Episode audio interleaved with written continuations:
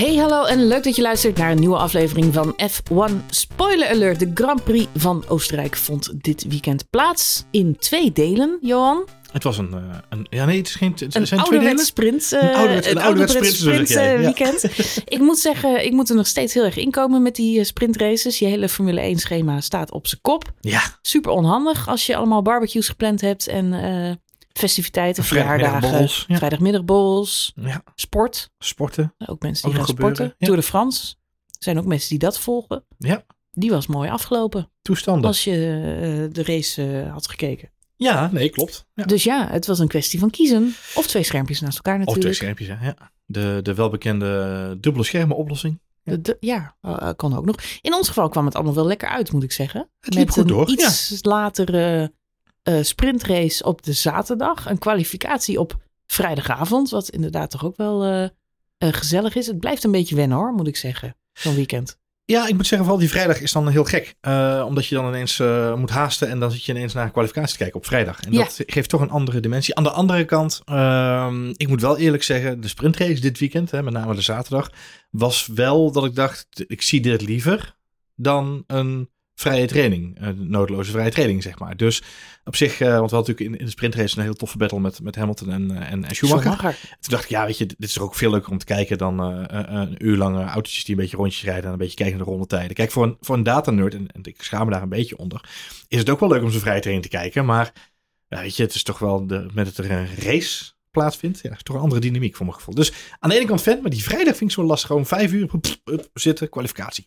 Nou, ik denk in, in, in, in de eerste instantie, ik dacht, ja, de, ik vond sprintrace zelf eh, een beetje saai op het eh, gevecht tussen de twee Ferraris in de eerste twee rondjes en het gevecht tussen Schumacher en Hamilton na.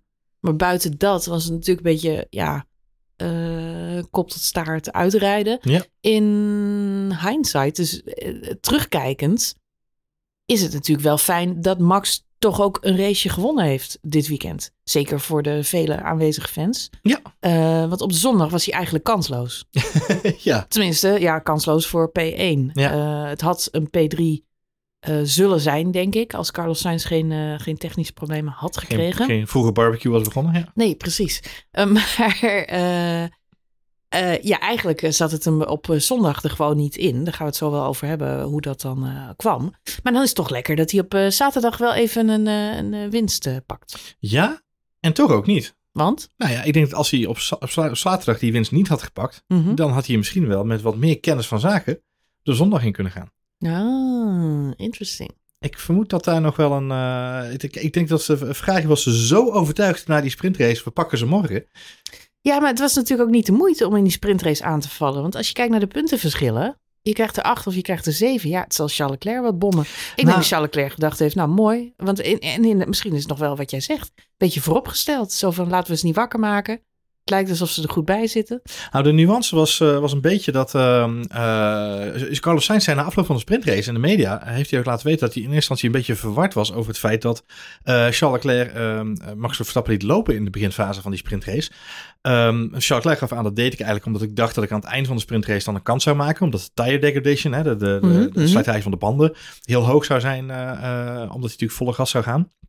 Maar, eh, nou goed, dat viel dan uiteindelijk nog wel een soort van mee na die eh 20 rondjes, eh, 23 rondjes op, eh, op de zaterdag. Eh, en Charles Leclerc hield eigenlijk een beetje in. En na- aan het eind van de race zagen we hem inderdaad wel een heel stuk dichterbij komen. Omdat hij natuurlijk betere mhm. banden had. Ehm, maar Carlos Sainz was daar een beetje door verbaasd. Omdat de afspraak bij Ferrari was geweest. We zullen geen last hebben van tire degradation. Dus gewoon volle bak aanvallen en gaan met die banaan. Dus de- Sainz was daar een beetje verbaasd over. Leclerc had dus kennelijk een andere strategie bedacht. Van, nou, ik wacht tot het einde van de race om dan aan te vallen. Maar goed, omdat Red Bull nu nog die overwinning werd een beetje gemaskeerd. Ja, we zagen aan het einde van de sprintrace natuurlijk wel onze grote vriend Leclerc dichterbij komen. Ehm, en dus daarmee werd een beetje gemaskeerd dat Verstappen wel degelijk last had van hogere slijtage op zijn banden. Met name omdat hij op zaterdag, of zondag sorry, in de race, eh, ja, na 23, 24 rondjes echt naar binnen moest met die banden. Ik denk dat jij gelijk hebt. Ik denk dat het toch ook een beetje, ja, laten we de leeuw niet uit de tent eh, lokken. In dit geval. Ja. Eh, Ja, onbewust hè, dus eh, ja. Ja. nou ja, goed, ja maar, wat, wat, hè, maar eh, ik vraag me ook, wat, is het de moeite waard? Je kunt je ook wel vragen, ja, waarom gingen Leclerc en Sainz dan alsnog in gevecht in die Ja. eerste twee ronden? Ik denk dat dat niet afgesproken was. Ik denk dat Sainz echt momentum heeft van die overwinning van vorige week. En ik realiseerde me ook Die gast heeft natuurlijk ook de krantenkoppen afgelopen week allemaal gelezen. En heeft ook overal gezien dat het onbegrijpelijk is dat ze Leclerc niet gestopt hebben, maar hem. Want Leclerc is toch de onbetwiste nummer 1 van het team. Dat zal hem pijn hebben gedaan. En hij zal dit weekend in zijn gegaan met hoge zeven. Er is nog geen sprake van een 1-2. En ik doe nog in alle opzichten mee uh, voor die koppositie. Ja. Dat verklaart denk ik een beetje zijn uh, ja, agressieve uh, start van die, van die sprintrace. En ik Ja. denk dat het voor de kijker alleen maar leuk is dat daar uh, een beetje gevochten wordt. Ehm, maar ja, uiteindelijk, ja, het gaat om een verschil van één, één punt. Ferrari doet sowieso goede zaken in die sprintrace met plek 2 en 3. Dus voor de constructeurs prima. Perez had natuurlijk uh, zijn rondetijden afgepakt in de kwalificatie. Moest uh, elfde uit mijn hoofd, nee, tiende. Dertiende. Ja. Ja, uh, Dertiende starten. ja. rijdt natuurlijk wel een goede sprintrace. Zeker. Zet zich helemaal wel terug omhoog. Ja. Dus, dus dat was natuurlijk wel, wel goed daar. Maar door de bank genomen doet Ferrari de beste zaken in de sprintrace. Ja. Met plek 2 en 3. Ja, en is het dan erg dat Max wint met het ene puntje verschil? Ik denk het niet. Nee, ja, kijk, de, de mensen met een oranje bril zeggen na dit weekend... Max Verstappen is uh, maar vijf punten kwijtgeraakt in het kampioenschap, want hij pakt oh, een dat puntje is op ook zaterdag. weer zo. Andersom is hetzelfde. Uh, ja. Dus dat, dat is zeker waar. Ja. Maar ik denk oprecht, uh, nou ja, jij zegt net eventjes inderdaad van, uh, het, het zag er naar uit dat. Maar ik denk oprecht dat ja, het verlies van Ferrari op zaterdag was de winst op zondag, zou ik bijna willen Ja. zeggen. Omdat, ze gewoon, ja, omdat ze ook bij Red Bull misschien niet zo goed gekeken of niet, niet zo scherp waren op het feit van wat gebeurt hier nou eigenlijk. Klopt. Um, en dat is denk ik de mazzel die ze hebben gehad. Absoluut. Er waren nog twee andere pechvogels in die sprintrace. En dat waren de twee oud-wereldkampioenen. Ja. Het was niet een uh, goede dag voor hen. Trouwens, ook Pierre Gasly was weer de Sjaak. Pierre Gasly en sprintraces is tot nu toe geen gelukkige geen combinatie. Voor, voor, Pierre Gasly mogen alle sprintraces vanaf nu geschrapt worden. Want ik had nog iemand, want hij startte volgens mij al 16e, 17e, 18e. En hij start al ontzettend achteraan. Het gaat voor geen meter op dit moment met de Alfa Tauri's. Nee. Echt uh, dramatische nou, auto. Hij pakte, hij pakte P10 in de, in de sprintrace, omdat hij uh, natuurlijk de, de, de terugzetten van um, Perez zorgde ervoor dat iedereen een stukje opschoof. Dus hij kwalificeerde nog wel. Uh, was hij er niet uit? nee, hij was eruit, omdat oh. Perez natuurlijk in Q1, of Q2, sorry, um, in principe track limits had. En dus eigenlijk Q3 niet had mogen halen. Gasly eindigde 11e in Q2. Uh, dus zou eigenlijk door zijn gegaan naar Q3. Had dus gewoon Q3 kunnen rijden. Dus hij had op zich een goede vrijdagmiddag, zullen we maar even zeggen. Maar nou, precies, jij zegt, uh, hij zit op de een of andere manier, vindt hij zich altijd weer op een plek waarvan je denkt, hoe kom je daar nou weer terecht, Pierre? Ja, weer uh, dik vette pech. En Ja. in de race uh, ja, komt het dan uiteindelijk ook allemaal niet goed. Had trouwens in de race ook weer een incidentje met Vettel te pakken. Diezelfde Vettel was ook al de pineut in de sprintrace. Ja. Op soortgelijke wijze. Ja, maar die, Vettel had een beetje een knorrenpotten weekend, joh. Ja, die, die, uh, ja en, en, terecht. Ik snap het wel. Want hij reed een hartstikke goede sprintrace. Vettel die start laatste in die sprintrace. Uh, maar heeft een dijk van een start. Ligt na twee of drie rondjes, uh, geloof ik, al op 14, 15 plek. Dus die gaat hartstikke goed. Is op weg terug naar de top 10 tot hij wordt aangedikt door Alexander Albon. Tja. Eigenlijk een spinnetje in de ronde, wat natuurlijk doodzonde is. Hij zat ervoor. Albon had daar niet mo mogen zitten. Krijgt daar ook een uh, penalty voor. Uh, ja, en dan is het van achteraan uh, uithuilen en opnieuw beginnen. En uiteindelijk uh, finisht hij niet eens volgens mij. Nee, een DNF inderdaad. Technisch, uh, ja, dat is uh, ja. erg teleurstellend. Hetzelfde geldt, uh, of eigenlijk een omgekeerde volgorde voor Alonso. Want die had juist een hele goede kwalificatie. Zou achtste starten. Maar op het moment dat het hele veld wegrijdt, uh, wil zijn auto niet eens uh, starten. Nee, uh, elektrisch probleem. Staat dan nog op de bandenwarmers zelfs. Dus er is even wat, wat verwarring van wat is nou aan de hand. Zijn ze nou echt vergeten om die banden eraf te, te halen? Maar nee, ze waren aan het sleutelen aan de auto. Dus ze zijn keurig weggelopen om verdere startprocedure fouten te voorkomen. Ze weten, hebben daarna naar binnen gereden. Ja, ze weten bij Alpine nog steeds niet wat nou echt daadwerkelijk het probleem was. Het leek iets ja, elektronisch. In elk geval, de motor wilde niet starten. Ze hebben hem Ja. naar binnen gerold. Ze hebben in de pits nog geprobeerd om hem met... ehm, uh, De startmotor aan te start, ja, Ja. dus aan, uh, van, vanaf de kabel zeg maar te starten. Ook dat werkte niet. Uiteindelijk hebben ze ervoor gekozen om de hele uh, elektronica uh, maar te vervangen. En uh, ja, op zondag kon hij daardoor gewoon rijden. Maar op zaterdag niet eens gestart. Dus dat is dan toch... Ik blijf het zeggen, die sprintraces ze zijn leuk. Maar ik vind ook wel dat ze voor een aantal coureurs hele grote consequenties hebben. Dat ze zorgen ook voor stress. uh, Ja. ja, nou ja, ze zorgen ook voor stress. Maar ja, als je dan net even de pech hebt. Uh, het incidentje met, uh, met, met Sainz natuurlijk in de race. Uh, motor in, in de fik. Ja, als dat Ja. soort dingen in de sprint al gebeuren, ben je, ben je kansloos. ja, eens. Vervelende situatie. Goed, de hoofdrace. De hoofdrace. De hoofdrace. Wat vond je ervan, Marjolein? Nou ja, het was enerzijds een mooi oranje feestje volgens mij weer. Ja, veel oranje wolken gezien. Veel oranje wolken gezien. Heerlijk weertje ook weer. Ook dat weer inderdaad, ja. Uh, dus ik denk dat de oranje fans niet voor niks zijn afgereisd. Nee. Naar dit mooie circuit. ja, qua uitslag misschien voor hen wat teleurstellend. omdat het toch wel echt Ferrari was wat de klok sloeg. Ja, ja, had het duidelijk de bovenhand toon. Hè? De, hele, de, hele, de hele zondag eigenlijk. Uh, je hebt geen moment het idee gehad dat er uh, voor Max uh, heel veel te halen viel. Ja, in die eerste ronde, zijn start is goed. Maar je ziet eigenlijk na, na twee, drie rondjes even de kat uit de boom kijken bij Leclerc. Dat hij gewoon plank gas gaat geven en ja, er bovenop zit. Dus eigenlijk hetgeen dat we op zaterdag, wat ik al zei, verwacht hadden. dat zie je op zondag tot wasdom komen. Hij kiest er dan voor om niet in te houden. Ja, dan is het voor, voor Max weinig te halen volgens mij. Max had een hele goede start, komt goed weg. Het verschil zit hem denk ik uh, dit circuit of, of uh, deze race moet ik zeggen. Echt in die bandendegradatie, de tire drag, zoals ze dat in het Engels zeggen. Um, die was gewoon heel verschillend bij Red Bull en Ferrari. Ik denk dat ze qua snelheid redelijk aan elkaar gewaagd waren. Wat mij wel weer opvalt is dat uh, de Red Bull ring ik wil nog steeds A1-ring zeggen, maar het is tegenwoordig de Red Bull ring. Um, dat het echt een snel baantje is. En een aantal uh, auto's zie je daar gewoon weer floreren. De Ferraris aan zich hadden qua snelheid uh, daar heel veel te doen. Wat ik grappig vond is dat je uh, dat verschil in snelheid van de Ferrari motor zie je bijvoorbeeld ook goed bij de Haas. Ja. we hebben natuurlijk veel zitten kijken naar het gevecht tussen Mick Schumacher en Hamilton dit, dit, weekend. Eén ja. in de sprintrace, maar gelukkig ook in de hoofdrace. ja, geweldig gevecht. een van mijn hoogtepunten denk ik van deze race. Maar uh, je hoort het Hamilton op, op, een gegeven moment ook zeggen: The straight line speed of these guys is incredible. Ja. Uh, en je ziet het. Je ziet uh, de Hazen wegrijden bij de Mercedes'en op, op de rechte stukken. Dat is natuurlijk een, een, een motorvoordeel wat je ook bij de Ferraris op, op dit circuit heel goed zag. Echter, daarin zit denk ik niet het grote verschil. Want de Red Bull zat er ook ja, in alle opzichten heel goed bij. Het echte verschil zat hem ja, in, in hoe lang de bandjes het vol hielden. Ja. Er waren op verse banden momenten dat Max gigantisch snel was. Heel makkelijk uh, het gat met de Ferraris dicht kon rijden. Maar op het moment dat je dacht, nou, nu komt hij er in de buurt, nu wordt het echt spannend. Dan waren ze banden eraan en dan ging ja. je weer een seconde langzamer ja. rijden. Het, was, uh, was, het verval was heel hoog inderdaad. Ja. En wat natuurlijk ook wel uh, merkbaar is, en zeker dat is een beetje de kaart die misschien wel omgevallen is voor een hoop mensen. Naar aanleiding van natuurlijk de afgelopen weken, of misschien wel een maand zoals het gegaan is met de, de strijd tussen Red Bull en Ferrari. Uh, Binotto heeft ook uitgelegd, we zijn met Red Bull met een aantal upgrades aan Silverstone gekomen. Ook hier weer een aantal upgrades. het grote verschil met Red Bull zat hem met name in de ja, de pure snelheid, hè, op het rechte stuk ook met name. En de effectiviteit van de DRS bij Red Bull. Uh, en Ferrari had ook dit weekend een, een aangepaste vleugel meegenomen. Uh, waardoor ze ook die, ja, dat verschil in die DRS wat meer konden opvangen.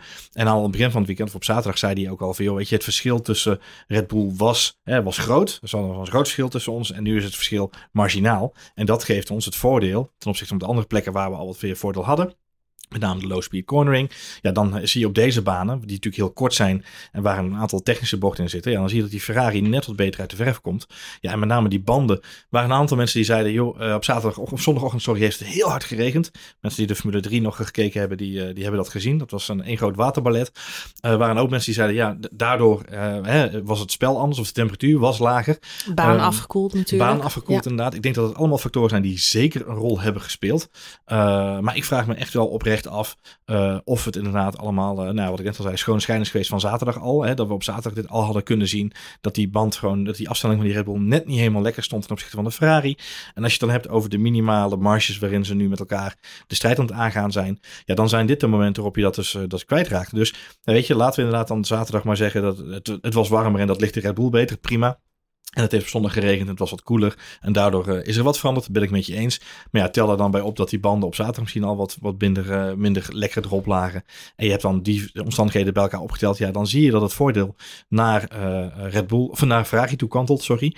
En dan is het verschil ook wel gelijk heel erg groot. En dat zagen we natuurlijk bij Max ook al de afgelopen uh, keren. Dat op het moment dat de, dat de baan hem echt ligt, hè, als Verstappen de baan ligt, dan rijdt hij ook vrij gemakkelijk weg bij, uh, bij Leclerc en Sainz. Um, en, en ligt de baan nu in het geval van, van Ferrari ligt hij hem. Ja, dan rijden ze al vrij snel toch bij elkaar wel weg. En is het gat zomaar binnen twee, drie rondes zit hij op drie, vier seconden. Uh, en dan rijdt een, een Sainz of een Leclerc ook een gat van drie, vier seconden eigenlijk vrij vlot weer dicht naar Verstappen toe. Dus uh, ja, heel grappig om te zien, uh, of, of, spannend om te zien, natuurlijk te omschrijven, dat die marges zo klein zijn. maar tegelijkertijd, op het moment dat ze dus het voordeel naar de ene naar de andere kantelt, dat het dan wel ook in één keer een, een flinke marge is die er, die er optreedt. Dus ja, het was inderdaad. Het, sowieso geniet ik wel van het feit dat het gevecht weer een beetje terug is. We hebben nog een, een aardig kampioenschap te gaan. Dus het is natuurlijk. Het zou saai zijn als, als Ferrari afhaakt in deze strijd. Laten we trouwens Mercedes niet uh, vergeten. Die zit als een soort uh, sluipmoordenaar op, uh, op de derde plek. Ja. En spokkelt ook dit weekend gewoon weer keurig zijn puntjes met Lewis Hamilton en George Russell. Um, maar ik vind het fijn dat we meer kunnen genieten van Charles Leclerc en, en Max Verstappen. En hun gevecht. Al moet ik zeggen dat het echte op de baan gevecht dit weekend waarschijnlijk niet zo heel erg spannend was. de snelheidsverschillen zijn zo groot dat het een kwestie is van uitzitten. Als Charles Leclerc er aankomt, dat hoor je Max over de bordradio natuurlijk ook zeggen. Van ik kan dit niet tegenhouden. Er valt niet zo heel veel te verdedigen als je een coureur achter je hebt zitten die gewoon zoveel sneller is. We zien in het verleden, daar doet Max eigenlijk ook nooit moeilijk over. Um, ja, dit was gewoon een enorm snelheidsverschil. En tel daar nog bij op dat Ferrari op een, uh, een iets andere uh, strategie zat uiteindelijk wel uh, dezelfde als Max. Uh, maar aanvankelijk leek het alsof zij voor een eenstopper wilden gaan. Ja. Uh, was uiteindelijk ehm, ja, toch niet echt een optie gebleken. Want zij hadden minder tire degradation dan Red Bull. Maar ze hadden wel meer dan, dan waar ze op gerekend hadden.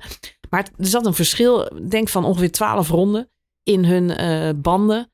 En ja, aan het einde ja, was dat ook, ook, ook nog extra in hun voordeel, denk ik. Ja. Dat zij net op de goede momenten op de baan uh, ja, betere banden hadden. En aan het eind maakt het natuurlijk allemaal niks meer uit. Als er nog een virtual safety car komt en iedereen nog even voor die extra stop gaat. Uh, en die gele bandjes op het laatst. Ja, nou ja met name die, die eerste stint van Verstappen heeft uh, Red Bull, uh, het kost hem dearly, om het maar even het Engels te zeggen. Het heeft, ja. dat heeft ze echt wel gekost. omdat ik denk dat ze daar wel van geschrokken zijn geweest. En, en dat zie je ook, dat Ferrari dan op dat moment gewoon het twaalf ronden langer volhoudt inderdaad op, de, op, dezelfde, op dezelfde set. Ja, dat is pijnlijk, want dat zorgt ervoor dat ze zo asynchroon zijn. Um, dat ze eigenlijk nooit echt een gat kunnen creëren in die pitstopstrategie. Was zoals wij Red Bull wel slim deden, dat dan wel weer gezegd hebben. Dus ze hebben zich vrij snel gerealiseerd. Uh, dit gaan we niet volhouden. Oké, okay, laten we naar achter kijken. En wat moet er nu gebeuren? Hoe kunnen we Max zo goed mogelijk uh, terug in het veld krijgen? Op een gegeven moment ga je kijken naar behoud van P3. Nou ja, dat, dat is ja. het verhaal. Want Hamilton ja. was gewoon ook goed bezig op dat ja. moment. Hè? Die was gewoon ook uh, lekker, nou goed, zoals het des Hamiltons betreft, zullen we maar zeggen. Wat je ziet is dat ehm, Hamilton eigenlijk op dat moment de, de, enige bedreiging is voor Max voor P3. Dat realiseren zich al vrij snel. En ze kijken naar Daniel Ricciardo, die op dat moment op P4-5 rijdt volgens mij. Um, of nee, sorry, die zit, daar komt hij dan net voor. Mm -hmm. het, meer, het gat wat ze wilden hebben om hem vrije lucht te geven. En niet achter Daniel of voor Daniel Ricciardo te komen. En in een, ja, een, een, een netelige situatie terecht te komen. Uh, dus hij komt natuurlijk terug op P6. Er wordt wel volop gerekend. Maar ik was blij ja. om te zien dat Ferrari dat dit weekend ook deed. En zich ook een beetje herpakt leek, lijkt te hebben strategisch, zeg maar. Nou ja, wat je ziet is dat bij Ferrari dit weekend gewoon alles uh, op scherpte was. En, ja. uh, en dat, is, dat is wel kudo's naar, naar het team. En ik denk dat ze echt wel een, een stevige evaluatie zullen hebben gehad. Uh, na aanleiding van vorige week en, en hoe alles gelopen is. Uh, en ook de, eigenlijk de afgelopen week kunnen, als je het bekijkt. Maar ze zaten dit weekend gewoon echt spot on. Um, ik denk, nou, nogmaals, ik denk dat ze zaterdag het laten lopen van Verstappen niet een bewuste keuze was, maar dat, het wel een, dat ze er wel de data bekeken hebben en gedacht hebben, oké, dit weten we nu, dus dan kunnen we dat, daar kunnen we ons raceplan op bijstellen. Op zaterdag, op zondag hebben ze de juiste snee, snee gemaakt met de, met de pitstop. Dus nee, ze zaten er echt bovenop bij Ferrari. Ze zaten er bovenop aan het eind van de race wordt het natuurlijk uh, nog toch weer even vervelend. Je zou bijna zeggen, het blijft toch Ferrari. um, want op het moment, Supran, moet ik eigenlijk zeggen, uh, dat oh, Carlos Sainz... Doet kijken. Ja. ja, dat Carlos Sainz op het punt staat Max Verstappen te verschalken, moeten ja. we wel zeggen. Overigens weer doodgeïrriteerd aan de regie, want uh, de belangrijke momenten lijken we nog steeds een beetje te missen af en toe. Door herhalingen? Door herhalingen. Bloedirritant. Uh, hou daar nou toch alsjeblieft eens mee op. Om herhalingen uit te zenden op het moment dat mensen binnen de halve seconde in DRS van elkaar zitten. Moet je gewoon niet doen. Nee. Gewoon naar die cijfers kijken en denken. Nu moeten we het niet doen, want dan mis je de move van Mick Schumacher. Maar goed, um, ook dit moment was. Uh, nou, we zoomden geloof ik net in op. Hè, het, was, uh, toch, het stond op het punt van gebeuren. Ja. En eigenlijk, eh, ja, de, dat het gaat gebeuren. Of volgens mij was het niet live. Volgens mij was het de replay. Die werd Ja. ingestart. We zaten onboord. Ja, Ja. ja. Ja. En ineens zien we eh, Carlos Sainz eh, ja, complete, minderen, ja. ja. complete vaart minderen. Het is alsof de motor die acuut uitgaat. Ja. En het blijkt uiteindelijk een ja, opgeblazen motor. Weten we niet. In elk geval, de tent staat dat- in de hands. Dat kunnen we wel vaststellen. Ze gingen duidelijk voor plan E. E van explosive. Die van Explosive, Want ja. eh, op de beelden die nog eh, later eh, op zijn, eh, zijn herhaald. eh, dat is dan wel weer de kracht van herhalingen, zullen we maar zeggen. Eh, ja, eh, later. Met nadruk op later. inderdaad, Ja. gelukkig. Zien we eh, daadwerkelijk de schroeven en de, en de, de bouten uit de, de sidepods eh, knallen. Oh, kijk eens aan. Eh, het is een echte, een echte plof, een, eh, een ouderwetse plof. Dus zijn sidepod, eh, of zijn zijkant van zijn auto eh, zie je echt poeven. Daar ontstaat dan ook de rook uit. Ja, en dan, dan is het een heel, heel spannend moment als je daar heuvel Ik- op die nou, auto ik, wegrijdt. eh, ik, eh, ik ben wel even gaan staan schreeuwen voor de televisie. Want het- ik ergerde me dood. Aanvankelijk zijn het een paar kleine vlammetjes en denk je nou rustig. Maar Carlos Sainz die zit zich natuurlijk eh, eh, ehm, ja, dood te, te balen in die auto. Ja. Van dat hem dit overkomt. Je horen later ook de boordradio. No, no, no, no, no. Het is onverdraaglijk vind ik hoeveel... eh, stress en paniek die jongens en Charles Leclerc natuurlijk later ook nog in de laatste paar rondjes ja, te verstouwen krijgen. Als die geen eh, posttraumatische stress hebben van hun hele carrière bij Ferrari inmiddels. dan weet ik het ook niet meer. Maar eh, ik heb zo verschrikkelijk met ze te doen inmiddels. ja. Ehm, maar goed, hij, ik snap dat hij zit te balen. Maar ondertussen staat die auto in de fik. En dat laait eigenlijk ontzettend snel op. En dan zie je hem toch wel enige haast maken met... met het losmaken van zijn gordels en het uit willen stappen. Waren het niet dat die auto achteruit rijdt. En mij verbaasde dan dat er niet meteen een mannetje bij staat om die jongen te helpen. Ja. Eh, ik vond het toch even heel spannend worden. Die auto ging behoorlijk. Die ging heel snel in de hands. En op Ja. dat moment snijdt eh, de regie natuurlijk ook weg. Zo gauw het echt eh, vervelend wordt. Want Ja. blijkbaar waren er wel marshals bij. Die waren ook met gevaar voor eigen leven. Als ik het goed heb begrepen, hebben ze geprobeerd om een, een, een wig Ja, ja. Voor, voor die band te leggen. Of iets dergelijks. Om ervoor te zorgen dat, dat die auto niet Ja. wegreed. Carlos Sainz was na afloop vrij rustig. Hij zegt, ja, ik eh, wilde wel uitstappen. Maar ik eh, had ook zoiets, ik moet niet een brandende auto het circuit op laten rollen. Nee. Dus eh Nee, met, met, gevaar, even tegenhouden. Kle- kleine nuance is dat als ze de beeld niet hadden weggesneden, hadden we nu de Comedy Capers muziek eronder kunnen monteren, denk ik. Want nou, je ziet gebeuren en dit is, ja, we lachen er nu gelukkig om, laten we dat maar zo zeggen. Maar het is natuurlijk een hele ernstige situatie die er ontstaat. Dus er staat een marshal, die komt er aangerend met een uh, brandblusapparaat. Mhm. Ehm, die stopt halverwege uh, in een soort van dubio. En op dat moment denk ik, staat hij nou te wachten omdat hij niet de baan op mag, omdat de hele vlag nog niet... Ik denk, waar staat hij nou op te wachten? Ah. Maar er komt een tweede marshal aangerend. En die heeft inderdaad een wig onder zijn, uh, in zijn hand. En die zet zijn brandblusapparaat neer om die wig eronder te frotten. Dat gaat niet. Vervolgens zet hij zijn been er maar soort half onder. Oh my om God. die auto tegen te houden. En komt er een. En goed, uiteindelijk komt het allemaal op zijn pootje terecht. En weten ze het apparaat te blussen. Nou, dat ding is dus dan wel veranderd in een soort van jaren tachtig uh, Upside Down Stranger Things uh, remix van een, van een afgebrand huis. Um, want het, het, ziet er natuurlijk niet meer uit, die auto nu. Dus die kunnen ze afschrijven. Maar het is.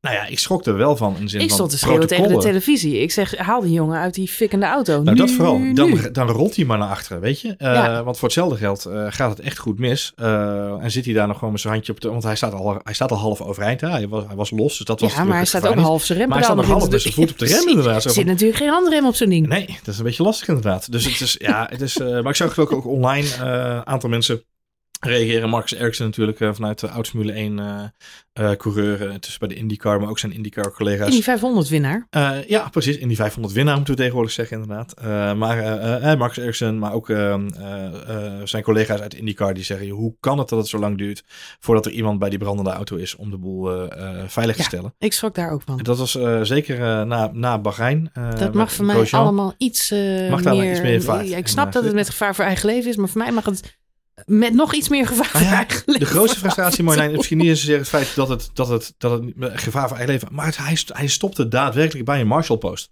Ja, hij deed het keurig. Hij had alleen zich niet gerealiseerd dat hij op vakantie in de bergen was. Ja. En dat uh, de boel daar enig Hellands het vlak heeft. handremmetje, ja. Ja, even, en het handremmetje ontbrak. Hel, hellingproef uh, niet geslaagd. Uitrusting. Ja. Maar goed, uh, ja, doodzonde voor hem. Maar vooral voor ja, de 1-2 die Ferrari had kunnen pakken. Daarmee hadden ze ook een, een enorme tik uitgedeeld in het constructeurskampioenschap. Ja. Wat dat betreft blijft de balans een beetje gelijk. Perez had natuurlijk ook een ongelukkig weekend. Uh, wordt aangetikt uh, al vrij vroeg in de race. En eh, moet uiteindelijk ook eh, uitvallen. Of valt uiteindelijk uit. Eh, dus eh, ja, maar één auto in de punten voor eh, Ferrari en ook maar eentje voor Red Red Bull. Bull, ja. Dus voor de constructeurs is dat dan wel weer eerlijk. Voor Ferrari is het heel erg balen. En op persoonlijk vlak denk ik dat het voor Carlos Sainz eigenlijk nog wat vervelends is. Hij zat natuurlijk eerst een beetje in een hele negatieve spiraal. Pakt vorige week in Silverstone een hele mooie overwinning. Ja. Het is eigenlijk het moment dat hij zijn carrière weer kan gaan op- en uitbouwen en herpakken. En alles gaat goed. En dan krijg je weer zo'n mokerslag in je gezicht. Ik geef het ze te doen. Nou ja, en wat het zwaarste is voor Carlos Sainz, en dat is, eh, je noemde ze al eventjes net, eh, maar dat zijn de, de Mr. Consistence, want dat zijn ze intussen allebei. Eh, Lewis Hamilton en George Russell, die gewoon al het hele seizoen, zover ze kunnen, de punten bij elkaar sprokkelen. In het kampioenschap is het voor, voor Carlos Sainz vooral heel zuur, omdat hij vorige week een goede slag geslagen heeft. Ja. En daar heeft hij nu mazzel mee, want had hij dat niet gedaan, dan was George Russell hem dus nu voorbij gegaan in het kampioenschap. En ook Lewis Hamilton komt eraan. Eh Carlos Sainz stapt in met vierde in het kampioenschap. Is dus eh, eh, van eigenlijk eh, trotse nummer drie wordt hij langzaam maar zeker opgefroten door iedereen. Ehm, George Russell komt er nu aan. Carlos Sainz op de vierde plek met 133 punten. George Russell op de vijfde plek met 128. Dus dat is een echt een minimaal verschil. Maar ook Lewis Hamilton, intussen op 109 punten, is dus binnen schootsworpafstand van, eh, van Carlos Sainz gekomen. En ja, weet je, dan moet je niet nog meer, heel veel meer pech hebben de rest van het seizoen. Want anders dan, ja, als Mercedes zo consistent blijft eh, presteren. En we weten van Mercedes, even naar Lewis Hamilton's track record van DNF's kijkende, dat hij de, normaal gesproken altijd zijn puntjes wel haalt. Dus ja, je moet niet te veel DNF's hebben aan de kant van Ferrari met Carlos Sainz. Want anders dan eh, komt Mercedes gewoon langs zij. Absoluut. En dat, eh, dat is het risico. Mercedes trouwens het hele weekend dus sterk. Behalve dan wellicht heel even in die kwalificatie. Ja. Een zeldzame fout van Lewis Hamilton. Ja, Die daar eh, eigenlijk zijn auto totaal aan eh gort rijdt. En niet heel veel later. Ook een, nou ja, zeldzaam wil ik niet zeggen. Want George Russell hebben we misschien nog niet zo heel veel van gezien.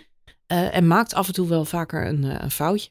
Ja. Ehm, hij heeft geen eh, penalty meer gekregen, geloof ik, voor het oversteken van de baan daar. Nee, hij heeft een waarschuwing gekregen. Een waarschuwing, ja, ja. Dus dat, eh, eh, hij stak natuurlijk na zijn, zijn crash de baan over. eh, tijdens de rode vlag situatie. Had daar geen Ja. goedkeuring voor. Nee. Eh Sebastian Vettel heeft daar natuurlijk... eh, Ja, die ging op een scootertje. Heer op scootertje, dus die heeft er nog een boete voor gekregen in die tijd. Die kon hij bij zijn eh, tally opschrijven na Bij George Russell wordt het een beetje onder de, de vlag van eh, jeugdige onbevangenheid. eh, Nou ja, dat. Aan de andere kant, de, de rode vlag was al even gaande. Alle auto's waren al binnen. En wat hij deed, is hij stak eigenlijk daadwerkelijk alleen maar het ski over richting de pitstraat. ja, maar ja. Maar ja, wat jij terecht zei, is als daar een auto komt aanrijden.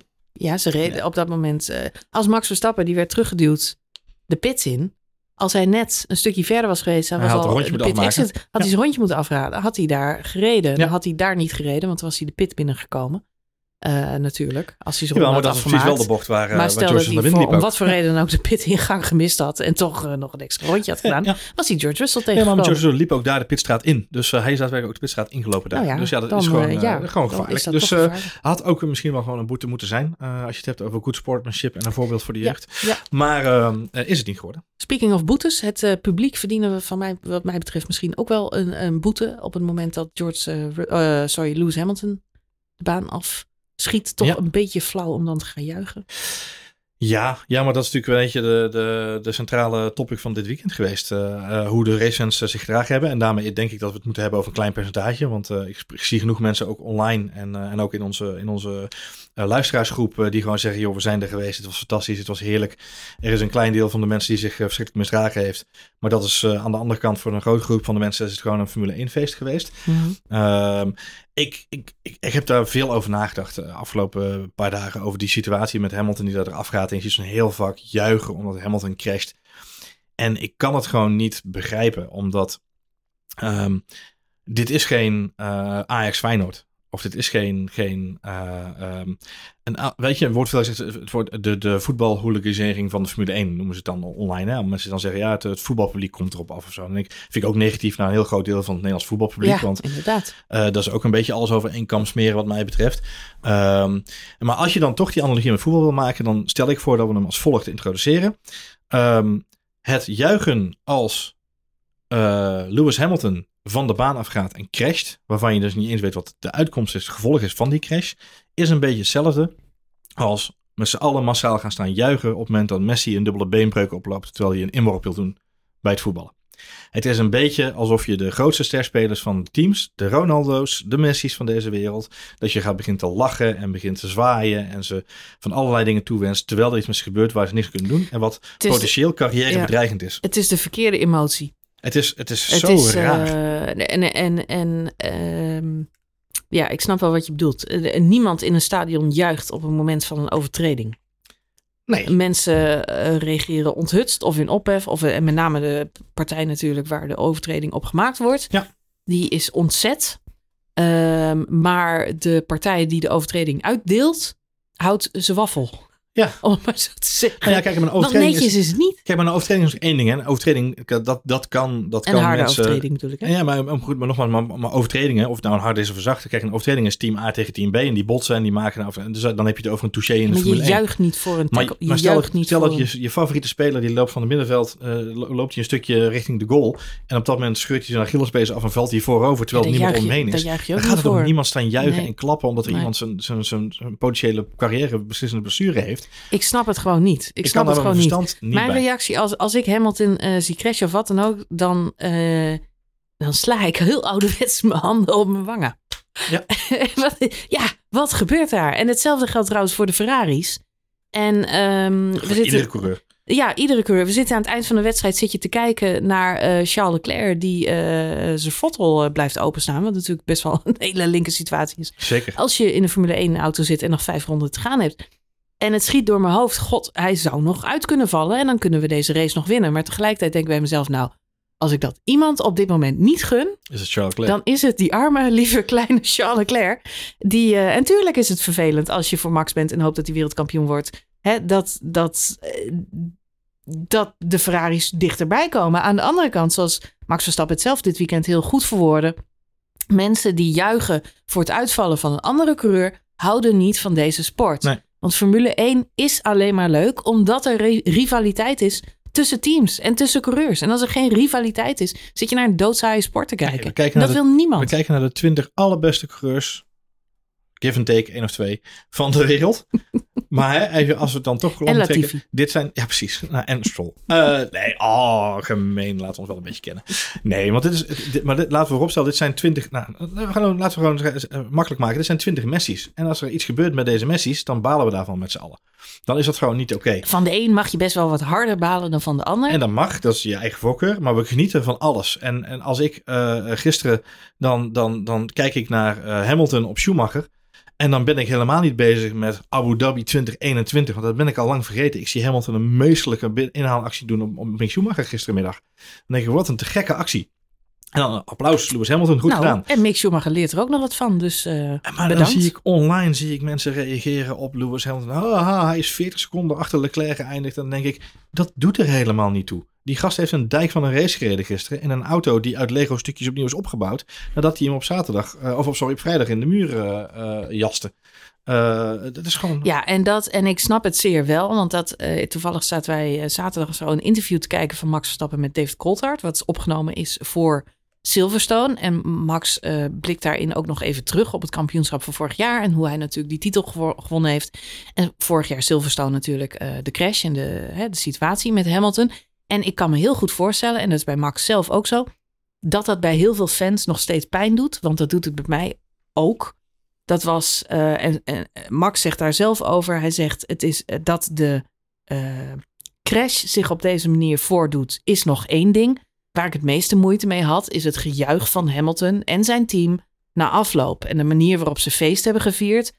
Ehm, op dat moment, terwijl Max natuurlijk in het ziekenhuis lag en we niet eens wisten hoe hij eraan toe was. En het een ontzettend loeiharde klap was. Dat is ongepast. En hetzelfde geldt voor bepaalde eh, maniertjes binnen team Mercedes. Met hè, Bottas, die vaak werd ingezet als een soort buffer. Of om een coureur op te houden. Of om eh, strategische spelletjes doen. Ook in de media, bepaalde statements. En je kunt daar van alles van vinden. En ik ben dat, ik vind net als Max, vind ik dat irritant. Max zei trouwens zelf in dat interview. De vraag was letterlijk: hoe, hoe verklaar jij dat dit jaar de sfeer tussen eh, eh, en het respect tussen jou en de coureurs van Ferrari veel groter lijkt dan vorig jaar tussen jou en Lewis Hamilton en Mhm. Mercedes. Ja. En hij gaf zelf aan, eh, nou, over het Silverstone incident eh, zei hij inderdaad het vieren en afloop zat me heel erg dwars, viel me echt verkeerd.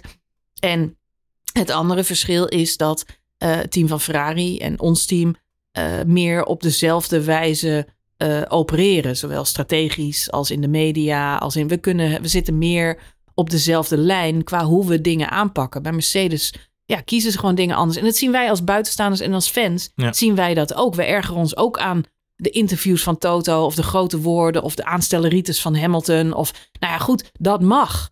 Alleen dat neemt niet weg dat de rivaliteit, of je nou met de smaak van Ferrari, Mercedes of Red Bull eens bent, eh, maakt me niet uit. Maar de rivaliteit aan zich op de baan is goed. En wat jij terecht zegt, laten we nooit vergeten dat dit een ontzettend gevaarlijke sport is. Eh, en de veiligheid van de coureurs is eh, bij mij altijd net zo belangrijk om, om wie het dan ook gaat, op welk moment dan ook. En ik zou dus inderdaad nooit juichen op het Nee. moment dat er. Eh, Nee, ja, dat, eh, ik- vanaf schiet. vind dat onbegrijpelijk. En laten we dat alsjeblieft met z'n allen verbannen, jongens. Want we zijn eh autosportliefhebbers. En, dat, hoort ja. helemaal niet in deze sport. Dus als je dat, denkt dat het wel zo is, ga alsjeblieft naar een andere sport. Kies iets waar je dat wel denkt te kunnen moeten doen.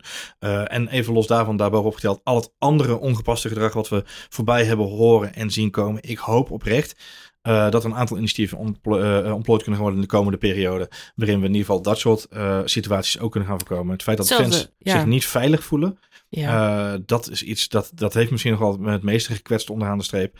Eh, omdat het een zo'n inclusieve sport is. Eh, en we daar zo ons best voor doen met z'n allen. dat het gewoon echt waanzin is dat er gebeurd is afgelopen weekend. Absoluut, absoluut. Ik zeg, eh, laten we stadionverboden of iets Circuitverboden, dergelijks, circuitverboden introduceren voor mensen die zich wangedragen. Dat lijkt me vrij makkelijk Ja. te doen. Overigens, jij zegt een van de meest inclusieve sporten. Dat moet ik als vrouw dan toch ook wel een klein beetje tegenspreken. Ik volg de Formule 1 al, denk 25 jaar. Ik ga ook al heel lang naar races toe. Moet eerlijk bekennen dat ik me nooit echt geïntimideerd eh, heb gevoeld. Echter, ik kan me wel een situatie herinneren. eh Nürburgring 98. eh, ik met mijn Mieke Hakkinen. Finse vlaggetje. Tussen een In- legioen In Schumacherland. van rode Schumacher-fans. En echt niks dan Schumacher-fans. Die Duitsers kunnen ook eh, behoorlijk vervelend zijn. Kan ik je wel melden. Nou sprak ik op mijn zeventiende niet... Perfect Duits, gelukkig. maar ik kreeg natuurlijk wel vanaf de, alle kanten grappen en flauwe opmerkingen te verduren. Maar ja, enig ja, pestgedrag, een beetje elkaar jennen, dat hoort natuurlijk wel bij de sport. En dat hoort ook bij eh, Formule 1 over en weer een beetje eh, dat steekspel. En jij zegt net Ajax Feyenoord, maar ook in de voetbalwereld gebeurt het natuurlijk Mhm. genoeg. Mhm. Als je met eh, collega's of, ehm, of anderen te maken hebt die voor een ander team zijn, dan plaag je elkaar natuurlijk een beetje over en Ja. weer. Dus ik weet wel dat dat zo is. Echter kan ik me van dat weekend ook herinneren dat Mika Hakkinen die race won. en dat is dan toch ook wel een heel lekker gevoel als fan. Dus je Nee. moet daar ook, eh, ja, eh, eh, Nee, maar eens, eh, is laten we, hou ja. die, die, die opmerking alsjeblieft, eh, steek ze in je, in je zak. Want ik, het, ik kan wel bevestigen dat sommige dingen pijn doen en eh, vervelend zijn. Aan de andere kant weet ik ook, eh, de aanhouder wint. En what doesn't kill you make you stronger. Nee, Dus, ehm, Eh, kijk, en volgens mij zijn Max Verstappen dit weekend heel mooi. Hè? Hij zegt er zijn een heleboel dingen gebeurd die... Kijk, plagen ben ik helemaal met je eens. Dat, dat, dat, hoort erbij. Want je bent fans en daarna drink je met z'n allen een biertje of een, of een plagen met een knipoog. En dan kun je het nou ook weer door. En dat hoort erbij. En ben ik wel met je eens. Maar zoals Max Verstappen het voor mij dit weekend gewoon heel goed verwoorden. En hij zegt het altijd in iets andere woorden. Kijk, Sebastian Vettel zegt, eh, die maloten moeten verbannen worden. En Lewis Mhm. Hamilton zegt, ik vind het onacceptabel. En, en, en Toto Wolff gooit krachttermen in de persconferentie om het kracht bij te zetten. En dat krijgt headlines. Max Verstappen zei het heel wel overwogen. En die zei, ik heb heus wel gezien en gelezen en gehoord wat er gebeurd is. En laten we gewoon vaststellen, dat, dat blijft zijn standpunt, dat er dingen gebeuren die niet in een maatschappij thuis horen. Laat staan in een, op een racecircuit. En ik denk dat dat onderaan de streep. Kijk, als je elkaar plaagt, is tot daaraan toe. Maar het feit dat je handtastelijkheden hebt, of dat je bedreigingen uit, of dat je hè, de mensen daadwerkelijk echt een onveilig gevoel geeft. Dat is natuurlijk een, gradatie erger dan een, plaagstootje. En, en dat schemergebied is echt niet zo groot als de meeste mensen denken dat het is. Want het is redelijk zwart-wit wat een plaagstootje is en wat daadwerkelijk een bedreiging of een eh, ongewenste eh, handtastelijkheid is. En dat moet gewoon verbannen worden. En dat moet verbannen worden in de maatschappij. Dat moet verbannen worden op een racecircuit. Dat moet verbannen worden in alle sportevenementen en overal waar we met elkaar omgaan. Ja, en eh maloten heb je helaas overal in de wereld. Dus ook True. in het, eh, o- o- ja, op de Formule 1 eh, tribune. Het is niet anders. De enige manier om ermee om te gaan is eh stadionsverboden of, of, of bannen. Ja. En, en, en niet meer welkom. Nee. Ik denk dat dat de enige oplossing is. En als verbod moeten ze verplicht acht uur lang aaneengesloten naar een race op Paul Ricard kijken. Zonder, met een leesbril op. Serieus. Of Sochi. Ja, Gewoon alle races van Sochi ja, achter elkaar, met, tandensto- non-stop. met tandenstokertjes tussen Non-stop. de ogen. Ja, precies. Nou, jongens. Goed, we gaan even terug naar de, eh, de race op, ehm, op, het, eh, op het circuit. ja, we moeten naar dat magistrale middenveld. Het magistrale middenveld. Het magistrale middenveld. Niet Iniesta, want we hebben het over voetbal. Niet Xavi. maar het magistrale middenveld van de Formule 1 in Oostenrijk, Marjolein. Ja, waar mij, mijn eh, persoonlijke highlights toch wel Mick Schumacher en Fernando Alonso eh, waren dit weekend. Ah, Maar Kevin Magnussen. Kevin Magnussen, Goedemorgen, goedemorgen. Lando Norris. in, Lando een Norris. Oude, in een oude auto. Hè? Een oude motor. Ehm, Het is insane wat daar eh je gebeurt. kunt even, als je het even wilt terugkijken, moet je nu even googlen. Ja. Battle of the Five, Ja, F1 Austria. Ja. Krijg je een hele mooie clip. We wachten wel even. Van, eh, nee, we wachten niet wel Momentje. even. Dat eh, Ja. doe je maar even eh, tijdens dat je dit aan het luisteren bent. Of, of, of na deze podcast, mag natuurlijk ook. Maar persoonlijk mijn hoogtepuntje van de race. We zien vijf auto's op de baan. Richting bocht 3. Eh, ze gaan nog net niet met z'n vijven tegelijk de bocht door. Maar man, man, man, man, man. Dit is toch wel echt. En we zagen het vorige race in Silverstone ook al. Zo close racing. Zo dicht bij elkaar. Overtake. Eh, Inhalen. De een pakt de ander. Ja, De derde gaat met de botten vandoor. Het is het was smullen. Formule 1 ten top. Ja, Het is, het Ik is kan hier zo van hebben- genieten. Ik denk dat je, dat je voor één jaarclip kun je uit deze race al eh, vanuit het middenveld kun je een aantal hele mooie inhaalacties tevoorschijn toveren. Echt geweldig. Eh, het mooie hiervan is dat de DRS dan ook wel zijn meerwaarde bewijst. Hè? Dat we dan zullen zien dat het wel. Maar dan moet het nog steeds gebeuren. Hè? Deze baan heeft drie DRS-zones. Dat zorgt ervoor dat het. En het is een klein baantje, dus, dus de marges blijven ook klein. Maar dan, dan, dan moet het nog steeds wel gebeuren waar het gebeurt. En ehm, eh, we zien het aan het begin van de race was ik heel even bang. Nu gaat het mis. Eh, want Sergio Perez probeert natuurlijk buiten om George Russell in te halen. Ehm, terwijl hij van Helmut Marko nog zo te horen had gekregen voor de race. Je kunt daar niet inhalen buitenom. Zorg dat je er niet bent. Helmut Marko was ook echt serieus een soort van boos op Sergio Perez gisteren nog na afloop eh, in de Oostenrijkse pers. Ehm, eh, ja, want terwijl Sergio Perez van wal stak over de heer Russell en wat voor een onnodige actie het was, eh, zei Helmut Marko, nou, we hadden van tevoren nog gezegd, je kunt daar buitenom niet inhalen, dus probeer het ook niet. Oh, Deed hij het toch? eigenwijze drijf. Je hebt daar niks te zoeken. Nou ja, goed. Ik was heel even bang. Dit is dan hè, het waarschuwingssignaal naar alle andere teams dat ze allemaal wat voorzichtiger aan gaan doen. Maar niks bleek minder waar. En met name, nou ja, we hebben het vaak over Alonso in deze podcast. Maar het feit dat Fernando Alonso vanuit achteruit helemaal naar boven toe rijdt. Eh, hij heeft nog een hele rare unshaky start. Want hij na de formation lap duurt het ook nog heel erg lang voordat hij op zijn plek staat. Dus van Fernando Alonso was ik bang toch niet weer dat hij, dat hij niet kan starten. Maar dan start hij wel. Nou, dan rijdt hij de auto naar P10. Eh, maar evenredig inderdaad. Lando Norris, die gewoon een dijk van de wedstrijd. Er zijn zoveel dingen die je kunt benoemen. Ik heb, eh, nou, Ricciardo pakt ook weer punten voor McLaren. Ja. We hebben een goed weekend. Na eh, teleur, veel teleurstellende resultaten. Ja. En natuurlijk ook een hele slechte kwalificatie. heeft hij wel eens niet tot je mee verdient. Ja. Ja. Dus het was ook weer een smile van oor tot oor. Ja, gelukkig maar. Ja. Overigens zijn slechte kwalificatie was natuurlijk sneu dat hij weer afviel in eh, Q1.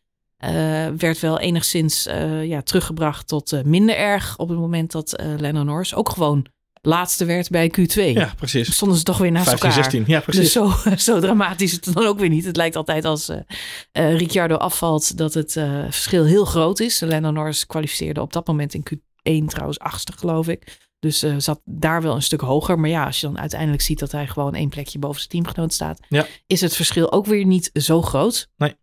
Dat moet hem toch wel een beetje getroost hebben. Daniel Ja, dat denk ik wel. En ik denk dat ze als team goed aangedaan hebben om de koppen bij elkaar te steken na Silverstone. Te zeggen, oké, waar, eh, hoe gaan we de, wat is ons aanvalplan voor Oostenrijk? Daarna hebben we weer even twee weekjes rust. Hè? En dan kunnen we weer rustig opbouwen richting Frankrijk. Maar wat is ons aanvalsplan voor Oostenrijk? Dat hebben ze goed gedaan. Ik denk dat ze de race als team ook gewoon heel goed benaderd hebben vanuit, eh, vanuit McLaren.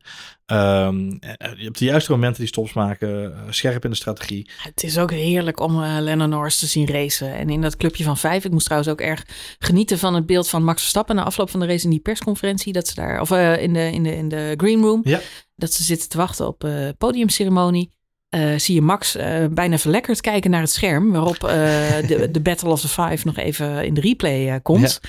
En uh, dat is voor Max natuurlijk ook genieten. Dat hij, ja. nou ja, ik denk, ik denk dat alle Zijn vriend Lennon Norris, maar ook alle andere coureurs in zo'n close fight ziet. Je ziet hem ja. bijna kijken zo van, hè, heb ik wel gemist deze wedstrijd. Ja, precies. Had ik daar maar bij had ik, uh, had ik ook wel leuk gevonden hoor. Ja. Nee, ja, dat, misschien wel inderdaad. Ja, nee, weet je, we hebben het al even uh, over de, de McLaren's gehad. Alpines, Esteban Ocon overigens ook. Ja, dijk van de race. hartstikke goed en stabiel gereden. Maar dan met name toch die hazen wat mij betreft. De smaakmakers van deze race. En de sprintrace. En de sprintrace inderdaad. Kevin Magnussen heeft een aantal keren... Als je het hebt over laat uitremmen, dan heb je, je hebt uitremmen, laat uitremmen. Dan heb je Daniel Ricciardo en dan heb je Kevin Magnussen deze race. een beetje de volgorde zoals het een beetje was, uh, voor mijn gevoel. Uh, en met name ook uh, dat hij op een gegeven moment, vol volgens mij gaat Schumacher gaat... Ehm, ja, volgens mij probeert Alonso probeert zo in te Ik weet het niet, maar Kevin Magnussen gaat er uiteindelijk als derde. Die steekt ze gewoon allemaal voorbij. Die komt, woehoe, ja. Daar komt Kevin Magnussen. Briljante move. Briljante... Het, het, is echt... En je ziet het verschil, dat is het mooie denk ik, van, uh, van zo'n gevecht. Uh, je ziet de verschillende rempunten. Je ziet waar mensen uh, meer risico nemen. Jij zegt net, Perez had daar nooit aan de buitenkant moeten zitten. wat ik zo leuk vind aan deze gevechten is dat je ook een beetje de, ja, de inschattingen en de ervaring en de talent, talent van een coureur ja. ziet. En dat viel mij dit weekend in positieve zin heel erg op aan Mick Schumacher. Ik vind, vorig jaar zagen we natuurlijk nog niet zo heel erg veel van hem. Maar ik vind dat hij de afgelopen drie races echt laat zien uh, hoeveel hij geleerd heeft. En hoe, uh, ja, hoe lekker hij al kan racen. De sprintrace waar je hem voor Schumacher uh, ziet rijden, maakt hij slimme keuzes ter verdediging. Het is voor, Schumacher, of, voor Hamilton nog best een, een, een lastige een uitdaging, ja. een uitdaging om er voorbij te kunnen. Terwijl hij wel sneller is op dat punt. Maar Mick Schumacher ben je nog niet zo 1, 2, 3 voorbij. En dat heeft met zijn rempunten, maar ook de lijnen uh, die hij kiest op bepaalde stukken ja. te maken. Je kunt echt zien dat hij veel geleerd heeft. Dat zal deels, denk ik, komen doordat hij nu met Kevin Magnussen uh, samenwerkt. Volgens mij uh, zijn die twee inmiddels goed bevriend. Hebben ze veel aan elkaar en, en leren ze ook veel. Aan de andere kant heeft het natuurlijk ook te maken met het feit dat Mick Schumacher eigenlijk nu pas in een competitieve auto zit. Dus ja. in het verleden gaat veel over gegaan. Mick Schumacher, natuurlijk de, de zoon van de, de grote Michael, wordt hij dan toch een beetje geholpen in zijn sportcarrière. In de Formule 2 was hij ook niet echt een hoogvlieger aanvankelijk. Maar pas in zijn tweede seizoen begon dat toch allemaal een beetje te verbeteren. Maar er zijn ook heel vaak van die geruchten dat hij geholpen wordt. Of dat hij door de organisatie een beetje steuntje in de rug krijgt. Of dat aan zijn auto toch dingetjes veranderd wordt. Maar eh, in, ik vind in deze race zag je echt dat hij het op eigen racecraft uh, nu aan het verbeteren is. en dat hij boven komt drijven. En let's face it, in een competitieve auto kun je meer leren. Als je in een, uh, Williams of een Haas van vorig seizoen rondrijdt, uh, dan is er niet zo heel veel aan Formule 1. Je rijdt achteraan, je rijdt je rondjes. Je kunt hooguit uh, met, uh, met Mazepin nog een beetje stuivertje wisselen om een plekje. Ja. Maar heel veel inhaalwerk of verdedigingswerk zit er niet in. En dit seizoen kan hij dat wel. En uh, ja, je ziet eigenlijk hoe hij groeit. Ik vind dat gaaf. Wat, uh, wat mooi is, je zegt terecht inderdaad, uh, dit seizoen een competitieve auto. En dat heeft gewoon te maken, dus tweeledig. Hè? Aan de ene kant, die auto is significant veranderd. Het team heeft ook een stap naar voren gemaakt daarin. maar ook de rest van het veld is veranderd. Hè? Er is wel echt een shake-up geweest in, in, in de, de rangorde, zou ik willen zeggen. dus wat je merkt, is dat hij daar wel de vruchten van plukt nu. Samen met, met Kevin Magnussen onderaan de streep. Um, maar ook het feit dat hij inderdaad een competitieve teamgenoot heeft, die, waar hij zich aan kan optrekken dat scheelt een hoop. Ja, en het uh, welbekende tweede, derde seizoen uh, syndroom, waar uh, Mick al eigenlijk zijn hele motorsportcarrière last van heeft. Het tweede seizoen pakt hij alles beter op. Dus ja, weet je, laten we hopen dat hij, dat hij deze stappen kan blijven maken. Ik vond het heel tof om te zien dat ze eigenlijk uh, afgelopen in, op zaterdag uh, nog de keuze. Hij was ook sneller voor zijn gevoel dan, dan Kevin Magnussen. bij de sprintrace wordt hij nog een beetje, wordt hij toch nog een beetje in toom gehouden, zou ik willen zeggen. Maar het was er op zondag wel veel aangelegen om echt te laten zien dat hij de snellere was. Um, en ja, dat heeft hij dan ook met verve laten zien. En wat mij betreft, ja, terecht de, de driver of the day van, dit, van dit weekend. in ieder geval van de zondag. Heb je filmpje gezien? Schattig, hè? Hij wist het niet. Nee kreeg in een uh, interview uh, uh, de, op, of, de mededeling dat hij driver of the day is geworden. Heel ja. schattig. Ja, heel schattig. Hij, hij, was, hij, was... hij hoopte er al op ja. op Silverstone. Precies. En dat hij dan nu echt, je zag het, nou, die glimlach van de goud waard. Het leuke is Kijk dat de, Lawrence Bretto van F1 zegt hem, terwijl hij eigenlijk weg wil lopen. Hij zegt, oh nee, ik nog één ding. ja, ik, je bent driver of the day. Oh, echt? Oh, oh, echt? En die ogen lichten helemaal op. Helemaal op. Heerlijk, oh. ja. Nee, dat zijn mooie dingen. En, Oprecht, en dat is een, een gemeend enthousiasme. Ja, ja gemeend enthousiasme, ja precies. Dat is heerlijk. Heerlijk. goed, Mick Schumacher. We houden ervan, we genieten ervan. Ehm, enige lowlight misschien eh, van dat gevecht eh, van die eh, vijf coureurs is voor mij persoonlijk dan dat eh Seb Vettel daar niet bij zat. Die had daar niet meer staan, denk ik. tussen de oude rot Fernando Alonso.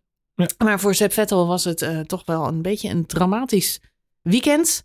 Ehm, ja, kon natuurlijk niet echt meedoen om, eh, om, eh, om de punten. Nee. Na die eh, slechte sprintrace en in de race zelf ja, zat er ook niet heel veel meer in. Werd weer aangetikt. Weer een situatie waar hij niks aan kan doen.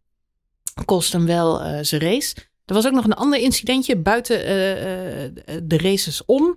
Er zijn drivers meetings ehm, en daar worden alle coureurs dan verwacht. En dan zijn er bepaalde mededelingen vanuit de FIA. En er wordt even doorgesproken wat de regels op de baan zijn dit weekend. Er wordt Ja. bijvoorbeeld uitgelegd hoe het zit met de track limits of andere situaties.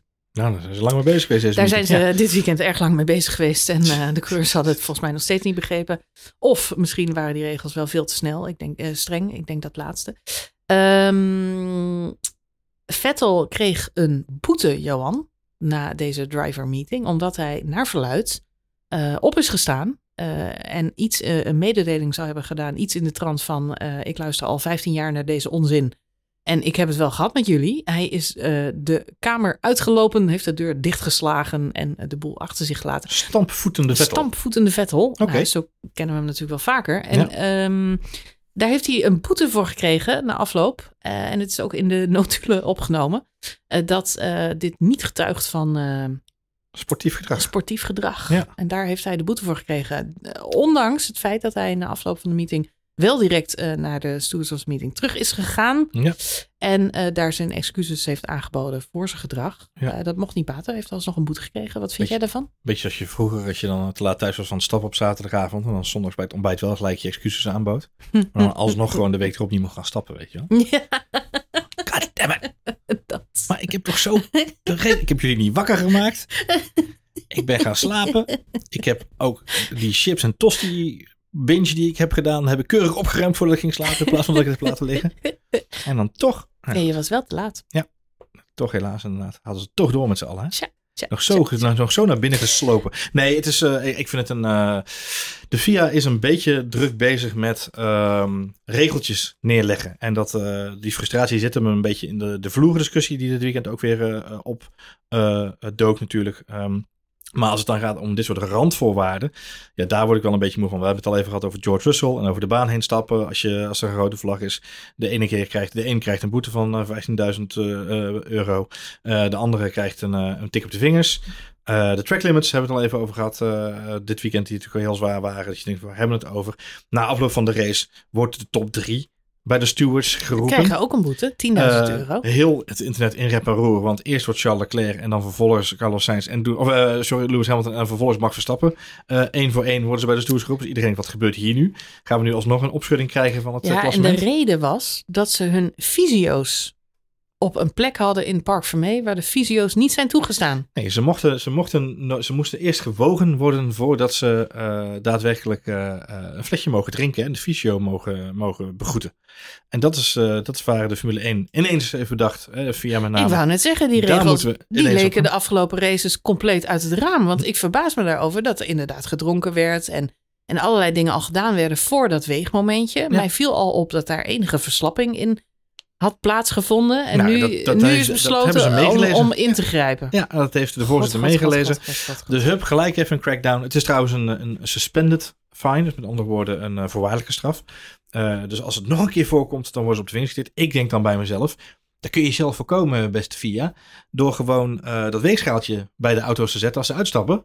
Even gaan staan, jongens, dan kunnen ze na lekker wat drinken. Het heeft allemaal heel erg de schijn van dat de FIA eh, ja, de coureurs een beetje behandelt als kleine kinderen. En als ik een Sebastian Vettel of een Fernando Alonso, maar ook een Max Verstappen of een, een Mick Schumacher voor mijn part was, zou ik me daar toch eh, dood aan irriteren. Ja. ergeren. Het schijnt ook dat een groot deel van de, van de discussie, ja, de, überhaupt de, de, de, de sfeer tussen de coureurs en de FIA op dit moment is aan zich vrij gespannen. Dat zal ook, denk ik, heel erg te maken hebben met dit soort flauwe dingen eigenlijk. Eh, als je iemand trouwens niet van onsportiviteit kunt betichten, eh, of een rolmodel voor de sport, dan is het Sepp Sebastian Vettel. Vettel, ja, precies. Als er iemand op dit moment een posterboy en een uithangbord van eh, vernieuwing, verandering en goede intenties en alles wat hij doet in interviews en ehm, eh, met, met, met activisme en waar hij voor staat, is denk ik het uithangbord van de, van de moderne Formule 1 coureur. En dan heb je nog de mazzel dat hij ook nog eens viervoudig wereldkampioen is, zodat er ook nog naar hem geluisterd wordt. Ja, precies. Ehm, en dan ga je zo'n jonge, ja jonge, eh, man op de Man, vingers ja, tikken. Omdat hij een keer zegt dat hij het ergens niet mee eens is en een kamer uitloopt. Ja, ik vind het van de zotte. Ik vind het bizar. Maar ik heb heel sterk het gevoel, eh, maar weet je, dat kunnen we nooit eh, bevestigd krijgen. En ze zullen het altijd ontkennen. Maar ik heb heel sterk het gevoel dat ze naar aanleiding van Abu Dhabi vorig jaar, zijn natuurlijk een aantal dingen doorgevoerd. Hè? Onder andere het eh, wisselende race directors team.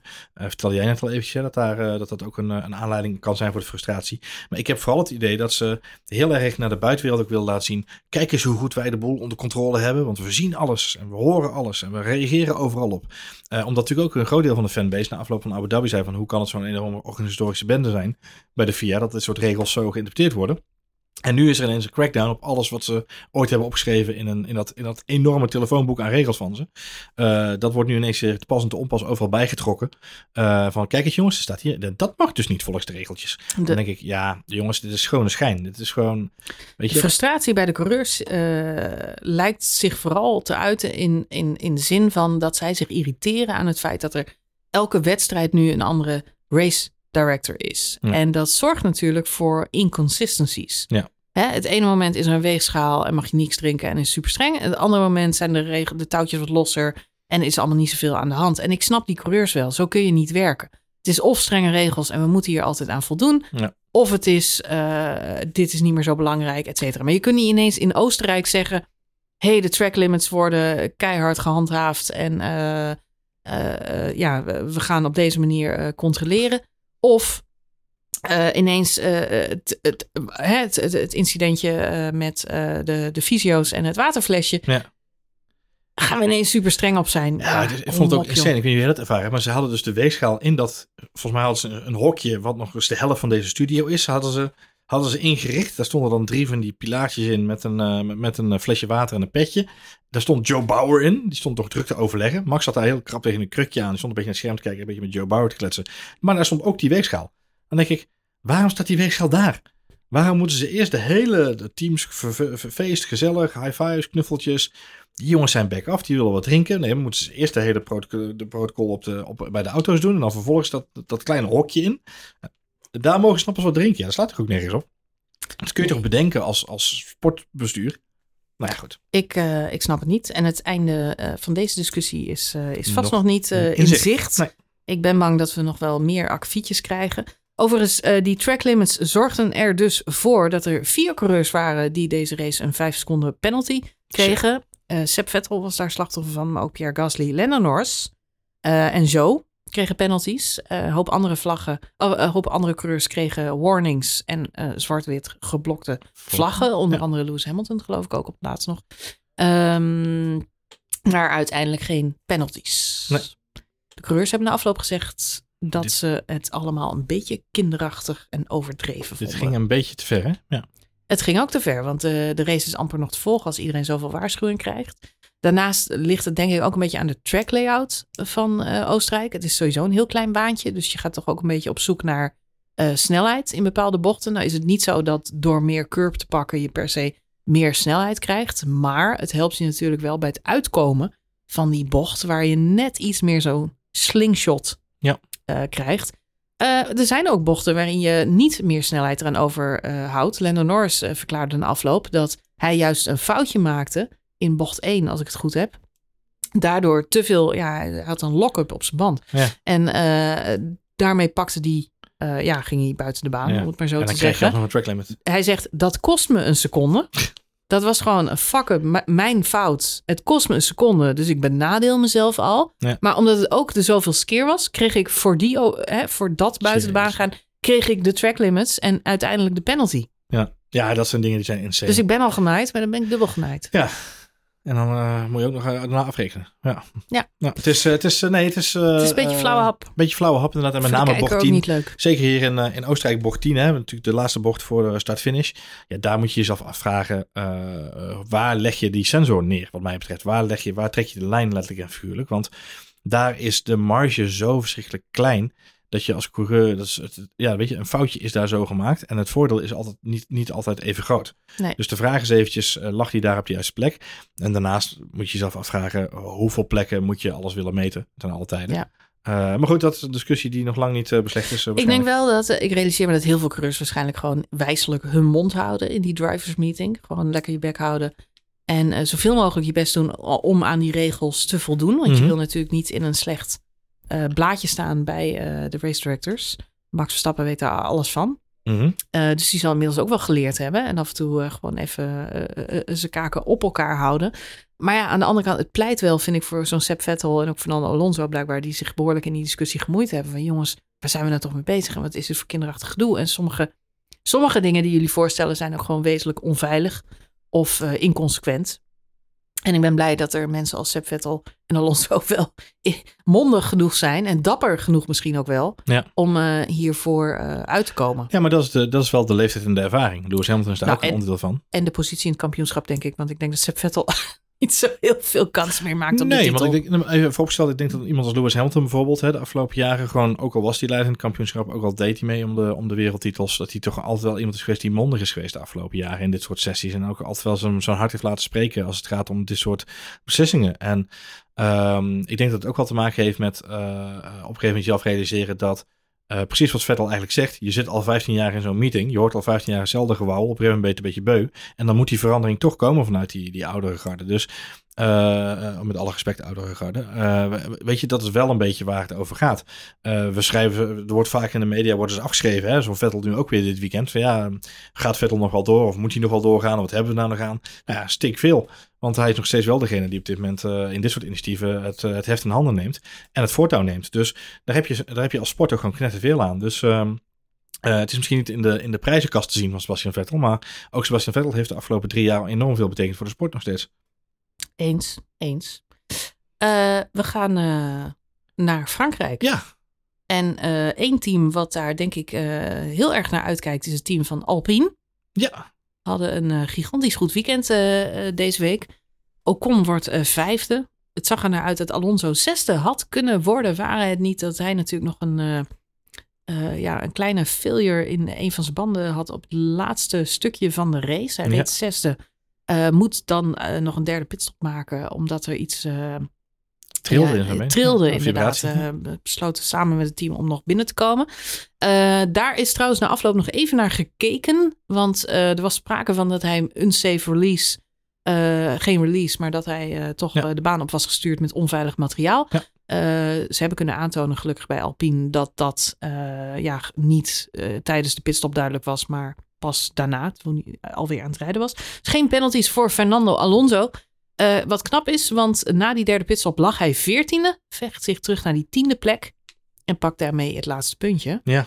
Ik denk dat uh, Ocon en Alonso erg veel zin hebben in Frankrijk. Het is Ja. natuurlijk voor hun een beetje een thuisrace met het team. En er schijnt ook een speciale Ocon-tribune te zijn. Ja. Die, uh, als ik F1-tv mag geloven, binnen 15 seconden uitverkocht was, Johan. Ja. De Fransen zijn enthousiast voor Esteban Ocon. Maar zijn dat 15 Franse seconden? Of, uh, Nee, dat denk ik. Ik heb geen idee. dat is altijd Ik, vraag. eh, ik ben heel benieuwd. Doucement. Ze, zitten, nee, ze hebben in elk geval op dit moment goed eh, momentum om, eh, om er iets moois van te maken daarin. eh Zeker. Nee, Alpine zit er, zit er goed in. En ik denk dat Ocon een, een goede, op dit moment een goede posterboy is voor de Franse autosport. Bij het afwezigheid van Pierre Gasly, denk ik. Hij komt op mij een stuk relaxter en sympathieker over dit seizoen. Ja. Ik ben nooit zo'n uh, Ocon uh, fangirl geweest. Nee. Om uh, obvious reasons, Brazilië. Maar um, inmiddels toch wel ja, een vriendelijke gast. Nou ja, volgens mij doet hij het, heeft hij het hartstikke naar zijn zin bij het team. En uh, zijn ze bij Alpine ook wel blij om hem weer te zien. uh, nee, ja, dit weekend zal... of sorry, volgend weekend is dat dan natuurlijk. En dit weekend zijn we lekker een weekje vrij. Maar ik denk dat ze, dat ze er erg naar uit zullen kijken. maar ik denk dat er nog een ander team is wat ook wel blij zal zijn dat ze er weer zijn. Namelijk? En dat is denk ik Mercedes. Ja, het is een baantje wat ze ligt, denk ik. Ligt ze normaal gesproken wel. Ja. Dus eh, hopelijk kunnen zij de lijn die ze hebben opgepakt nu, nu doorzetten. En eh, ja, wat we al steeds gezegd hebben, een zes, eh, zes auto's kampioenschap ervan maken. En lijnen zijn er genoeg op Paul Ricard. Nou, je kunt genoeg lijntjes kiezen. Dus als je last hebt van eh schizofrene neigingen, of hoe heet dat? Epileptische, schizofrene, epileptische aanvallen. Dan moet je misschien even niet, dan moet je het even via de radio volgen, denk ik. Ja, kun je Olaf Mol aanzetten. Paul Ricard is dat circuit met al die eh, blauwe streepjes. die blauwe rode Blauwe streepjes. Nee, blauw-rood ook echt. Hè? Dus als je je 3D-bril opzet, dan komt het naar je toe. dan komt het naar je toe. Esteban komt door je beeldscherm heen. Op je afgevlogen. Fijn. Goed, eh, ja, de Grand Prix van Frankrijk. We gaan zien of het eh, gat tussen Ferrari en Red Bull dan weer net zo klein is. En of Mercedes zich alsnog in die titelstrijd kan gaan moeien. Dat wordt natuurlijk ook interessant. Eh, ja, ik ben heel benieuwd. Ja. En meer gevechten met de hazen, Johan. Ja, nou ja, laten we hopen dat het... hoogtepuntje van dit seizoen. de, tot nu toe eh, het... eh, het eh, de, De, de, smaakmaker. De, de, De, ma- smaakmaker van de sport is haas. De, magistraal, de magistrale matpartij had op dat het middenveld. gedacht? Wie had dat gedacht? Wat mij betreft zeker de moeite waard. Zijn die Russische miljoenen toch nog ergens goed voor geweest? ja, oh, nou hopen dat ze ze mogen behouden. Dat is de volgende stap. Maar goed, dat zien we Ja, dan nou weer. ja, goed. Dit moet toch sponsoren aantrekken. Zijn nu al is, uitgegeven. ja, precies. dit, ja, kom op. Als je hier niet instapt, dan ben je gek. Wat een sympathiek team. ja, ik vind het echt. Ik vind het zo leuk. Ik vind het zo leuk voor Gunther Steiner ook. Als ik het iemand gun, dan is het die man. Had je Dus, die, eh, die Photoshop gezien van, Gunther Steiner? Nee. Met de zonnebril op van, van Tom Cruise en de twee auto's naast hem. Top, top Koen. Top Koen. Top Koen. Ah, daar kijk ik dan ook wel weer uit in Drive to Survive. Dat je hem natuurlijk al drie, wat is het, vier seizoenen Vier ziet seizoenen worstelen, zie je- ziet ja, zie struggelen. je hem volgen inderdaad. Ja, ja, Ziet, ziet bergbeklimmen, ziet mediteren, al die reclames aan het schieten is. eh, ruzies met Russische oligarchen. Deuren repareren. Ik Ja. weet niet wat hij, ja, wat hij allemaal te verstaan krijgt. Maar nu moet het toch een ontzettend feel-good seizoen komen. Ik denk dat, hij, ja, ik denk dat het een soort...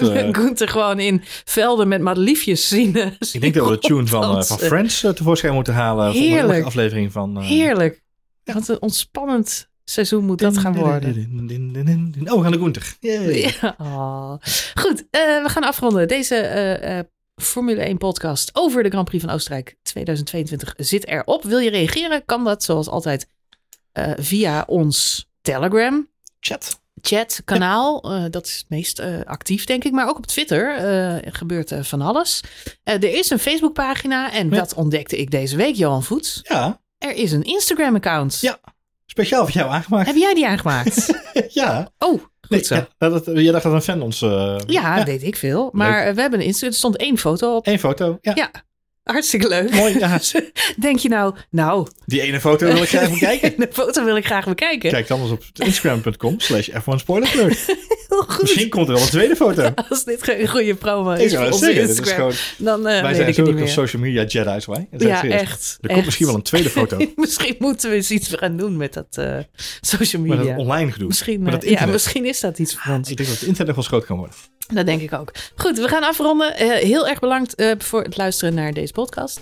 En heel graag tot de Grand Prix van Frankrijk over twee weken op Paul Ricard.